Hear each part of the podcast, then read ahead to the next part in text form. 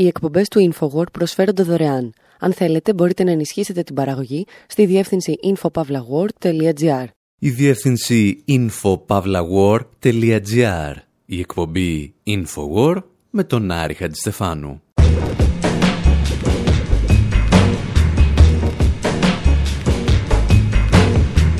όπου σήμερα κόβουμε αυτιά και παίρνουμε σκάλπ παρακολουθώντας ταινίες του Κουέντιν Ταραντίνο. Με αφορμή την κυκλοφορία και στην Ελλάδα της ταινίας κάποτε στο Hollywood, αναρωτιόμαστε εάν υπάρχει κάτι πολιτικό στις εννέα μεγάλες παραγωγές του σκηνοθέτη ή εάν υπάρχει κάτι μη πολιτικό. Επιστρέφουμε στο Reservoir Dogs για να μιλήσουμε για την πορνογραφία της βίας που άλλαξε τον παγκόσμιο κινηματογράφο και τον παγκόσμιο κινηματογράφο που άλλαξε τον Ταραντίνο. Συγκρίνουμε δημιουργίες του ίδιου σκηνοθέτη με ταινίες του Spielberg και συναντάμε τη μέρα με τη νύχτα, χωρίς όμως να είμαστε σίγουροι ποια από τις δύο προτιμάμε. Ακούμε όσους τον μισούν και όσους τον λατρεύουν, αλλά μόνο αν το κάνουν με όρους πολιτικούς. Και να ρωτιόμαστε πώς κάποιος τολμά να βάζει τις λέξεις Eisenstein και Ταραντίνο στο ίδιο κείμενο. Και φυσικά, για κάθε ιστορία, ακούμε τραγούδια που επιλέγει ο ίδιος ο Ταραντίνο από το 1992 έως σήμερα.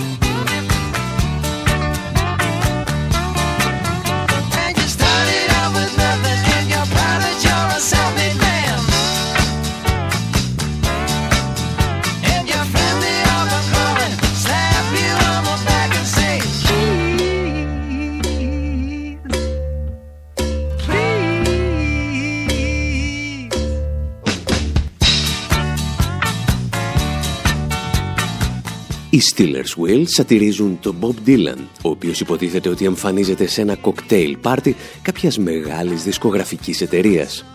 Και επειδή το κάνουν πολύ καλά, για χρόνια, ορισμένοι νόμιζαν ότι το τραγούδι είναι πράγματι του Bob Dylan. Όλα αυτά βέβαια μέχρι το 1992, όταν ο Quentin Tarantino θα χρησιμοποιήσει το τραγούδι στην ταινία του Reservoir Dogs, είναι η σκηνή, αν θυμάστε, που ο Μάικλ Μάντσεν το σιγομουρμουρίζει καθώς κόβει το αυτή ενός αστυνομικού. Και από τότε τίποτα δεν θα είναι πια το ίδιο στον αμερικανικό ανεξάρτητο κινηματογράφο.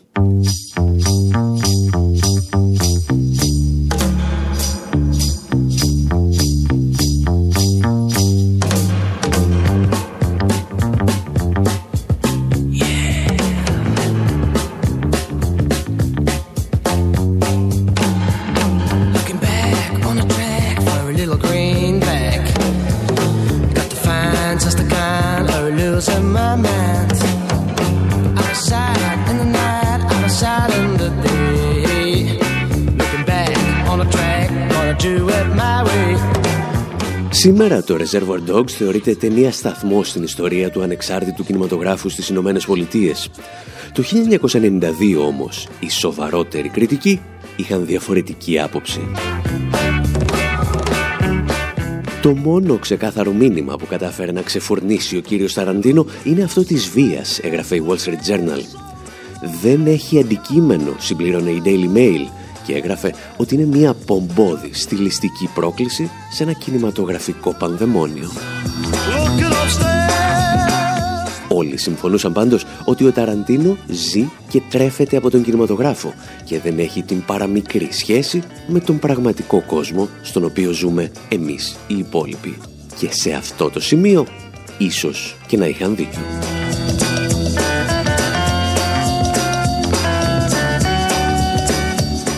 Πατέρας του τον ονόμασε Quentin προς τιμήν του Quid Asper, του ήρωα που υποδιόταν ο Bart Reynolds στην τηλεοπτική σειρά του CBS Gunsmoke. Ο Ταραντίνο θα ενηλικιωθεί κυριολεκτικά μέσα σε ένα βίντεο κλαμπ στο οποίο εργάζεται για 200 δολάρια το μήνα. Και έκτοτε οι κριτικοί κινηματογράφου αναρωτιούνται εάν αυτό είναι καλό ή κακό για έναν σκηνοθέτη.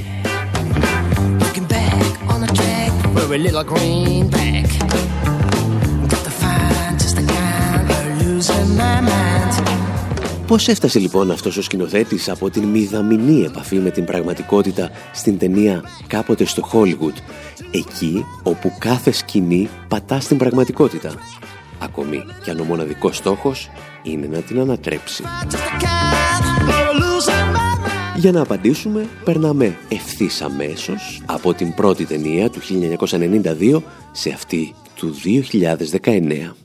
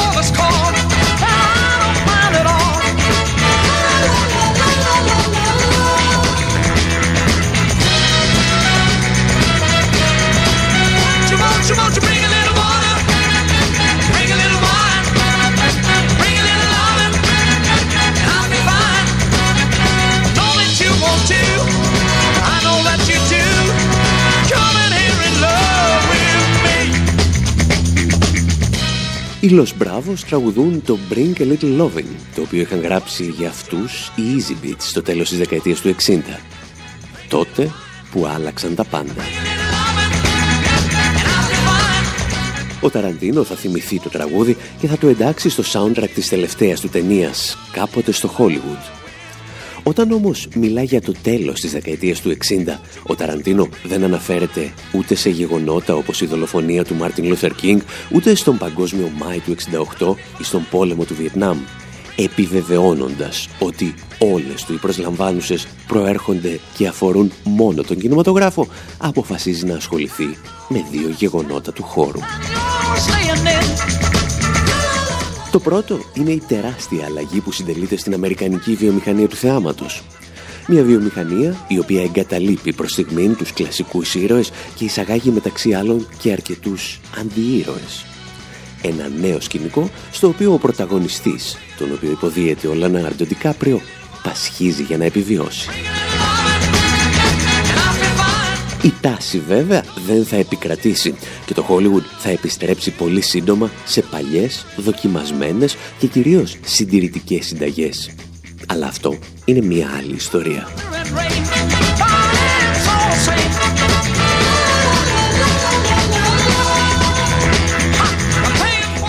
Το δεύτερο περιστατικό με το οποίο καταπιάνεται ο Ταραντίνο είναι η δολοφονία της Σάρον Τέιτ, της συζύγου του Ρόμαν Πολάνσκι, από τη συμμορία, ή αν προτιμάτε, τη σέκτα του Τσάρλς Μάνσον.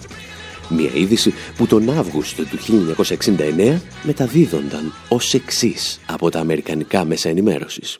In a scene described by one investigator as reminiscent of a weird religious rite, five persons, including actress Sharon Tate, were found dead at the home of Miss Tate and her husband. Η σκηνή, σύμφωνα με έναν αστυνομικό, θύμιζε μια περίεργη θρησκευτική τελετή.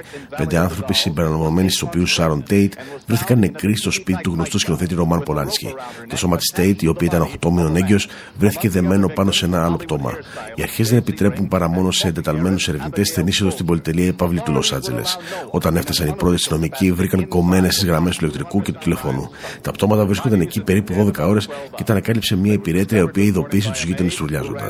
Ένας αστυνομικός συνόψισε το περιστατικό λέγοντας: Σε όλη την καριέρα μου δεν έχω ξαναδεί κάτι τέτοιο.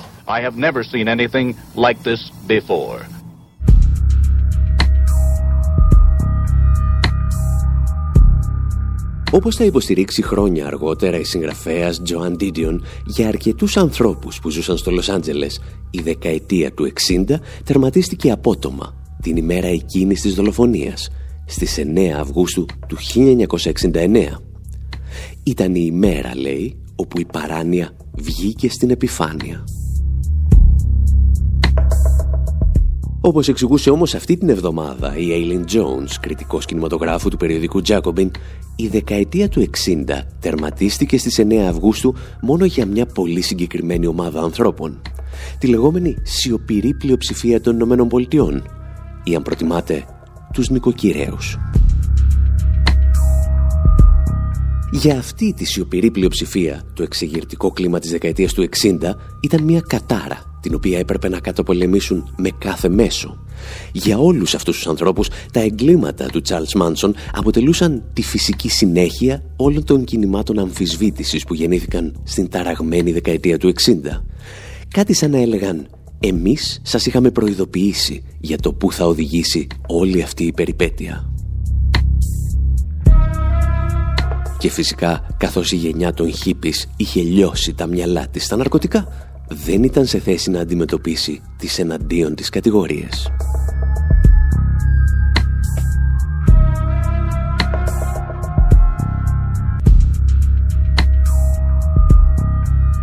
Στην ταινία κάποτε στο Hollywood όμως, ο Ταραντίνο έρχεται να ξαναγράψει αυτή την ιστορία με έναν τρόπο που δεν μπορούμε να σας διηγηθούμε γιατί κάποιοι θα μας κατηγορήσουν ότι προδίδουμε το τέλος της ταινίας. Γι' αυτό και εμείς θα κάνουμε ένα διάλειμμα και θα πούμε την ίδια σχεδόν ιστορία μέσα από μια άλλη ταινία του Ταραντίνο. Το άδοξη μπάσταρδι.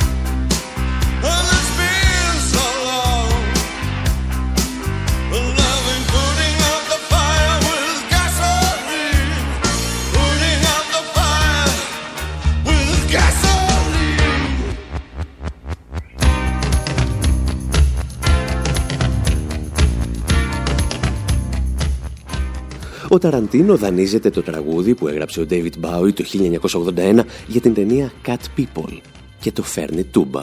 Σχεδόν τόσο τούμπα όσο έφερε ο Μάρξ τη διαλεκτική του Χέγγελ. Το τραγούδι, αν θυμάστε, ακούγεται τη στιγμή που η πρωταγωνίστρια προετοιμάζεται για την σημαντικότερη πράξη της ζωής της. Τη στιγμή που θα κάψει ζωντανά μέσα σε έναν κινηματογράφο τα ηγετικά στελέχη του ναζιστικού κόμματος της Γερμανίας μαζί με τον Χίτλερ. Και η μυρωδιά της βενζίνης για την οποία τραγουδούσε ο Μπάουι γεμίζει την αίθουσα. Και ενώ εμείς, όπως μπορείτε να υποθέσετε, δεν έχουμε ιδιαίτερο πρόβλημα με μια σκηνή στον κινηματογράφο στην οποία καίνε τα ηγετικά στελέχη της ναζιστικής Γερμανίας, κάποιοι άλλοι είχαν. Η ταινία «Άδοξη Μπάσταρδη» χαρακτηρίστηκε σαν ένα ακόμη πορνογράφημα της βίας, στο οποίο οι Εβραίοι παίρνουν το ρόλο των Ναζί και πραγματοποιούν τα ίδια εγκλήματα που θα πραγματοποιούσαν και οι διώκτες τους ή μήπως όχι. Ο Ταραντίνο θα υποστηρίξει κριτικός κινηματογράφου Aileen Jones θα χρησιμοποιήσει μια δημοφιλή κινηματογραφική φόρμα για να φανταστεί και να στήσει εκ νέου ορισμένες από τις τρομακτικές μνήμες του συλλογικού παρελθόντος μας. Οι Εβραίοι στην ταινία δεν πραγματοποιούν το δικό τους ολοκαύτωμα, αλλά ένα αντί-ολοκαύτωμα χρησιμοποιούν την κινηματογραφική αίθουσα την οποία ο Χίτλερ ήθελε να μετατρέψει σε εργαλείο προπαγάνδας για να κάψουν ζωντανούς τους ναζιστές μέσα στον ίδιο κινηματογράφο. Και είναι αυτού του είδους ο αναθεωρητισμός καλός και γόνιμος θα αναρωτηθεί κάποιος. Βεβαίως, απαντάει η Έλλην Jones. Για την ακρίβεια, λέει η ίδια, η αριστερά τον χρησιμοποιεί από τη δεκαετία του 20 στον κινηματογράφο. Ο Σεργέη Αιζενστάιν και ο Τζίγκα Βέρτοφ, γραφεί Jones, απέδειξαν ότι μπορούν να χρησιμοποιήσουν μια ταινία για να ξαναγράψουν με φαντασία την τρέχουσα αλλά και την ιστορική πραγματικότητα. Και με αυτόν τον τρόπο έδειξαν μια επαναστατική θεώρηση του κόσμου.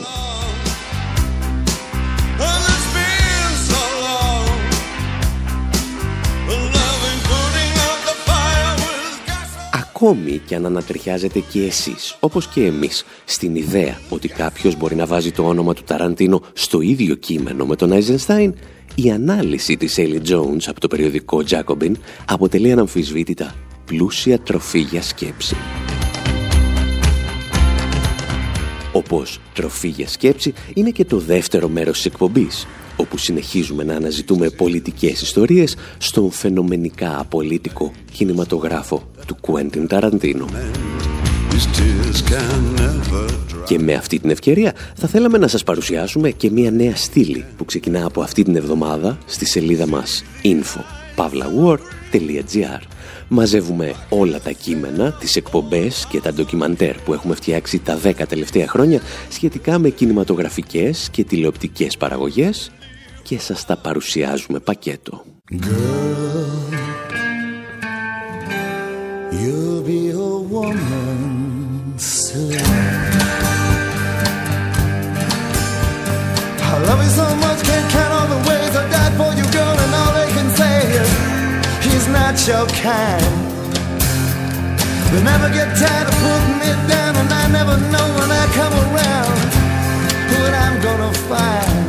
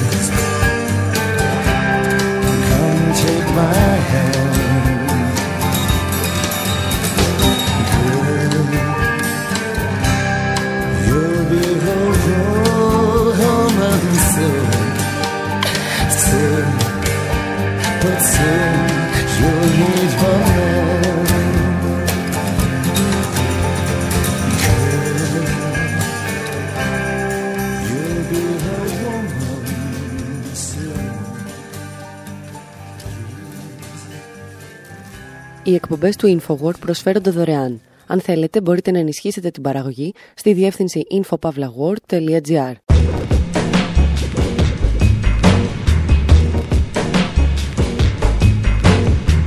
Εκπομπή InfoWord, μέρος δεύτερο όπου συνεχίζουμε το ταξίδι μας στον κόσμο των εννέα ταινιών του Κουέντιν Ταραντίνο ακούγοντας πολιτικά σχόλια για φαινομενικά μη πολιτικές ταινίες. Είδαμε τον Ταραντίνο τιμωρό αλλά και αναθεωρητή της ιστορίας, μάλλον προς το καλύτερο. Τον είδαμε στην ταινία κάποτε στο Hollywood και στο Άδοξη Μπάσταρδη. Και κάπου εδώ συνειδητοποιούμε ότι αυτό είναι πλέον το επαναλαμβανόμενο μοτίβο της τελευταίας πενταετίας. Γιατί το ίδιο ακριβώς συμβαίνει και στην ταινία του «Τζάνκο Τιμωρός». Μόνο που για να καταλάβουμε τι συνέβη στο Τζάνκο, σκεφτήκαμε να συγκρίνουμε την ταινία με το Lincoln του Steven Spielberg.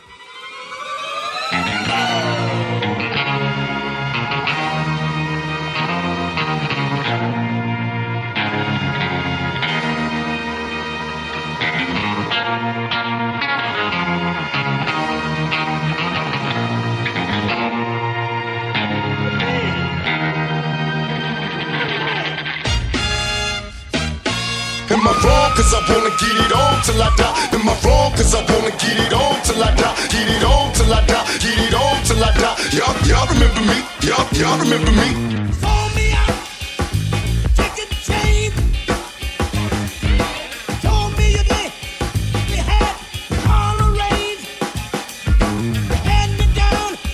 Last chance, fancy pants. Oh, very well.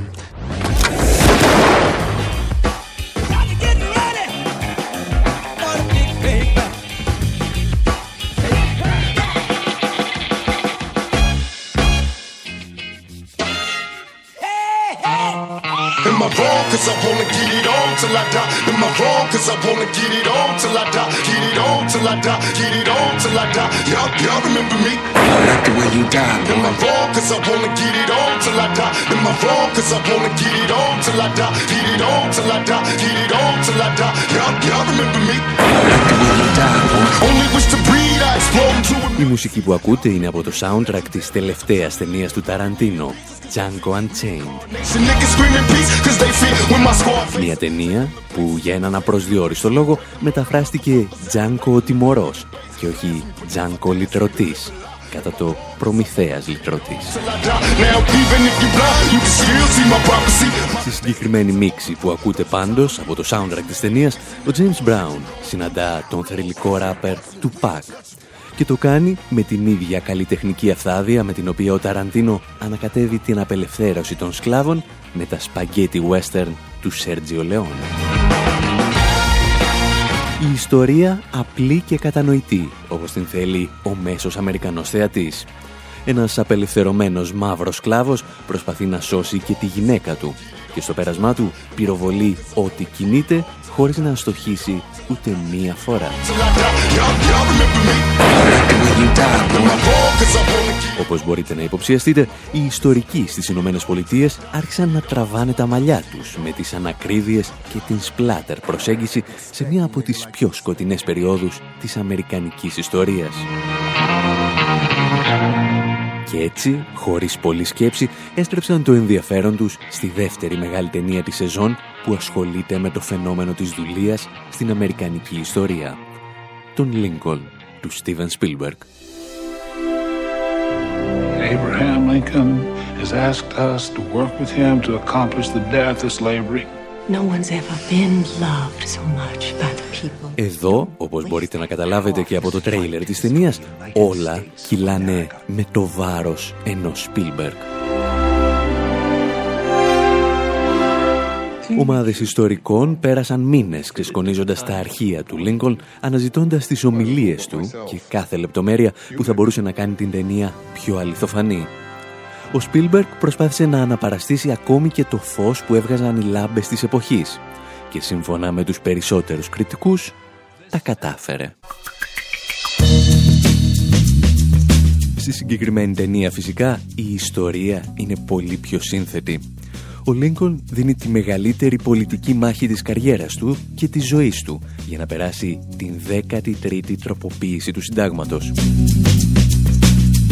Προσπαθεί όχι απλώς να καταργήσει τη δουλεία, αλλά να θεσμοθετήσει αυτή την κατάργηση με τρόπο που δεν θα μπορεί να αμφισβητηθεί στο μέλλον δίνει τη μάχη απέναντι στον Αμερικανικό Νότο και το κόμμα των Δημοκρατικών, από το οποίο λίγο αργότερα θα ξεπηδήσει και η ρατσιστική πανούκλα της Ku Klux Klan.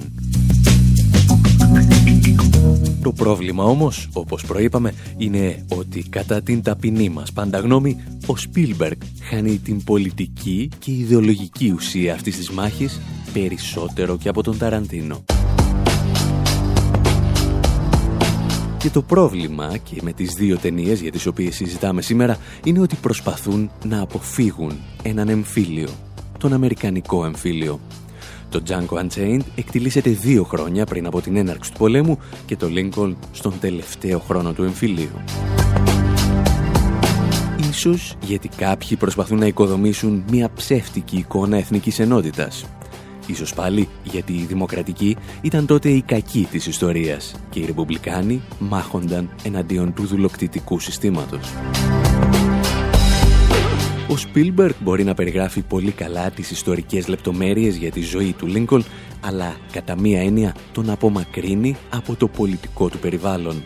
Η Αμερικανική κοινωνία κινούνταν τότε προς τα αριστερά, δηλαδή προς τους Ρεπουμπλικάνους, αν και τα κομματικά μορφώματα της εποχής δεν έχουν καμία σχέση με τα σημερινά κόμματα των Ηνωμένων Πολιτειών. Επίσης, αυτός ο Λίνκον είχε και έναν περίεργο θαυμαστή στην Ευρώπη, τον οποίο οι ρεπουμπλικάνοι απόγονοί του προσπαθούν να ξεχάσουν. Έναν γενιοφόρο κύριο που ακούγει στο όνομα Κάρολος Μάρξ. Ο Μάρξ θα γράψει για το Λίνκον ότι ήταν ένας από τους λίγους ανθρώπους στην ιστορία που κατάφεραν να γίνουν σπουδαίοι χωρίς να πάψουν να είναι καλοί. Ένας άνθρωπος έλεγε, ο οποίος δεν δίλιαζε μπροστά στα προβλήματα, αλλά ούτε ναρκωνόταν από τις επιτυχίες του. Ένας άνθρωπος ο οποίος προχωρούσε με αργά και σταθερά βήματα προς τον στόχο του, χωρίς να υποχωρεί και χωρίς να παρασύρεται από κανέναν. Αυτό που δεν βρήκαμε βέβαια να εξηγεί ο θείος Κάρολος είναι ότι ο Λίνκον ήταν και ο άνθρωπος του λόμπι των σιδηροδρόμων που εκείνη την εποχή ζούσε τις πιο λαμπρές επιχειρηματικές του ημέρες. There's an engine at the station and the whistle blows my name. It's calling, calling, calling, come and get aboard the train. My baby's gone and I'm alone to live in misery. I'm gonna call and make a reservation for me. Gonna ride a blue train. Gonna ride a blue train. Gonna ride a blue train. Gonna ride a blue train.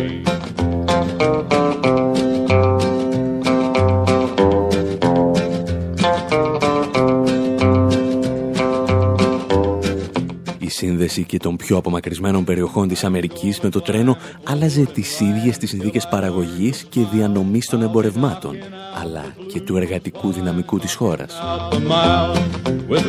Οι επιχειρηματίες των σιδηροδρόμων δημιουργήσαν τα πρώτα ισχυρά λόμπι και άρχισαν να εξαγοράζουν πολιτικούς και μπορεί να κατέληξαν στο να δημιουργήσουν την πρώτη μεγάλη φούσκα της αμερικανικής οικονομίας, αλλά είχαν αλλάξει για πάντα το οικονομικό και το πολιτικό σύστημα της χώρας.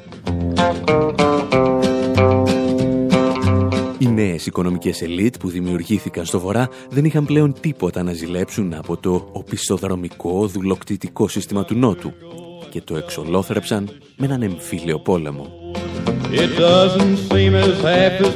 Και έτσι, σχεδόν ένα αιώνα αργότερα, ο Elvis Presley θα μπορούσε να κλέψει τον μουσικό πολιτισμό των μαύρων και να τραγουδήσει για το δικό του μυστηριώδες τρένο, το Mystery Train. Train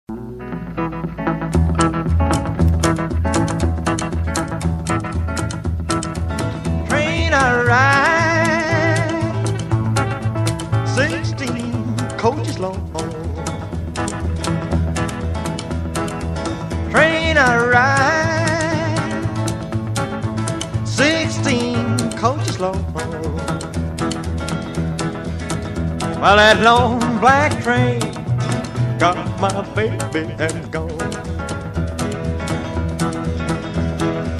Train, train,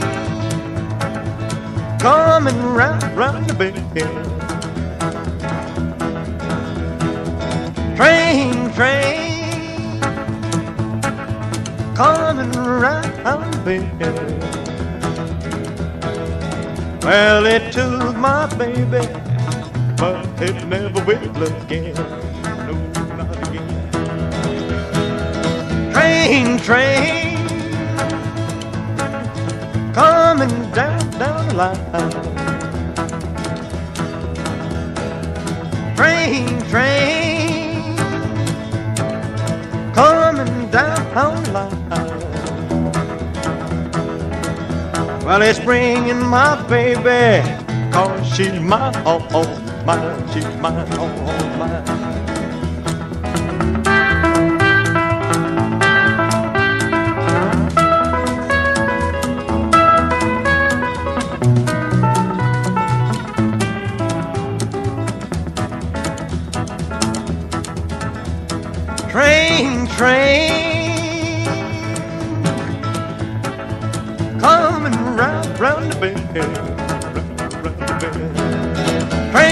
Train, train,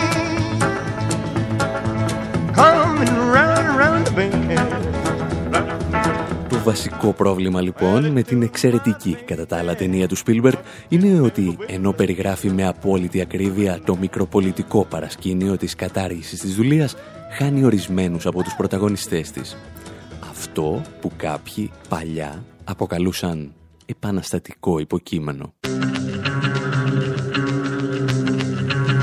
Οι μαύροι της Αμερικής δεν ήταν οι αμέτωχοι παρατηρητές της ιστορίας, οι οποίοι ένα ωραίο πρωί απελευθερώθηκαν από τους λευκούς. Η μετακίνησή τους από τον Νότο προς τις Βόρειες Πολιτείες άλλαξε τις πολιτικές και οικονομικές ισορροπίες. Και ύστερα πολέμησαν και οι ίδιοι στον εμφύλιο. Γιατί, όπως μας έμαθε και ο Βάρναλης, τη λευτεριά δεν τη ζητάς με παρακάλια, την επέρνεις με τα δικά σου χέρια, μοναχός. Who's that stumbling around in the dark? State your business or prepare to get winged.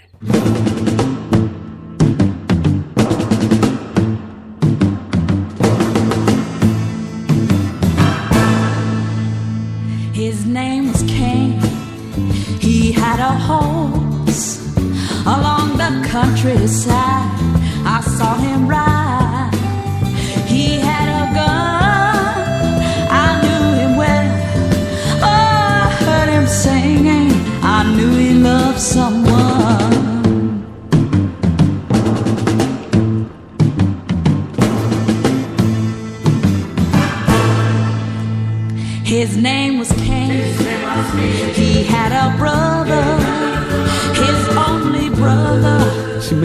Λοιπόν όλα αυτά ότι η ταινία του Ταραντίνο μέσα σε όλη της την ψυχεδέλεια και απλοϊκότητα καθαρευτίζει καλύτερα την απελευθέρωση των σκλάβων; Αν μη τι άλλο, εδώ ο ήρωας τα καταφέρνει μόνος του. Πυροβολεί τους κακούς και σώζει το κορίτσι του. You can't see Cain. Ο Τζάνκο του Ταραντίνο είναι αληθινός μαχητής. Το κάνει βέβαια με τον ατομισμό της φιλελεύθερης Αμερικής του σήμερα. Αυτό όμως είναι το Hollywood. Δεν μπορείς να τα έχεις και όλα. Shelter by that pillar, looking for Εν τέλει, το να υποστηρίζεις ότι οι σκλάβοι απελευθερώθηκαν μόνοι τους είναι σαν να αγνοείς τις αλλαγές που συντελούνταν στο οικονομικό σύστημα. Το να υποστηρίζεις όμως ότι ήταν αμέτωχοι αποτελεί πολύ μεγαλύτερη διαστρέβλωση της ιστορίας.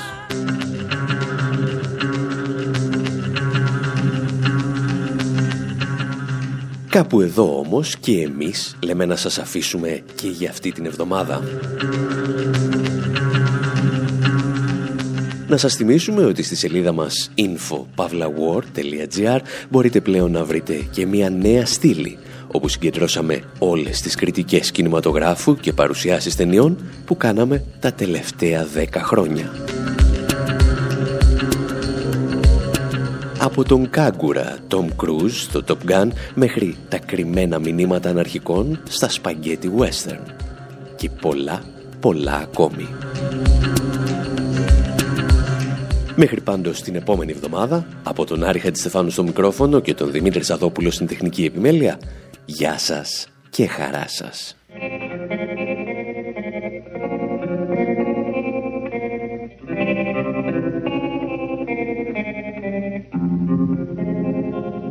I was five and he was six. We rode on horses made of sticks. He wore black and I wore white. He would always win the fight. Bang, bang. He shot me down. Bang, bang. I hit the ground. Bang, bang. That awful sound. Bang, bang. My baby shot me down.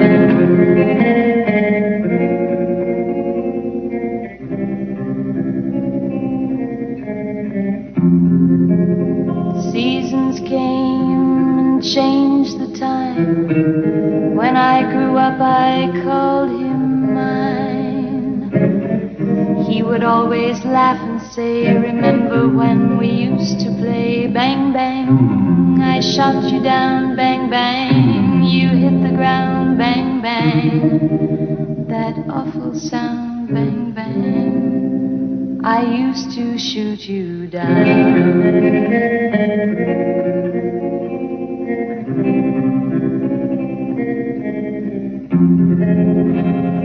Music played and people sang.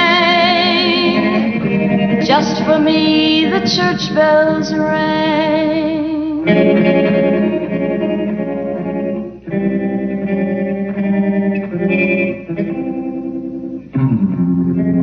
Now he's gone, I don't know why.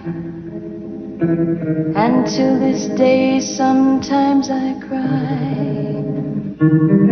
He didn't even say goodbye, he didn't take the time to lie. Bang, bang, he shot me down, bang, bang, I hit the ground. Bang, bang, that awful sound, bang, bang. My baby shot me down.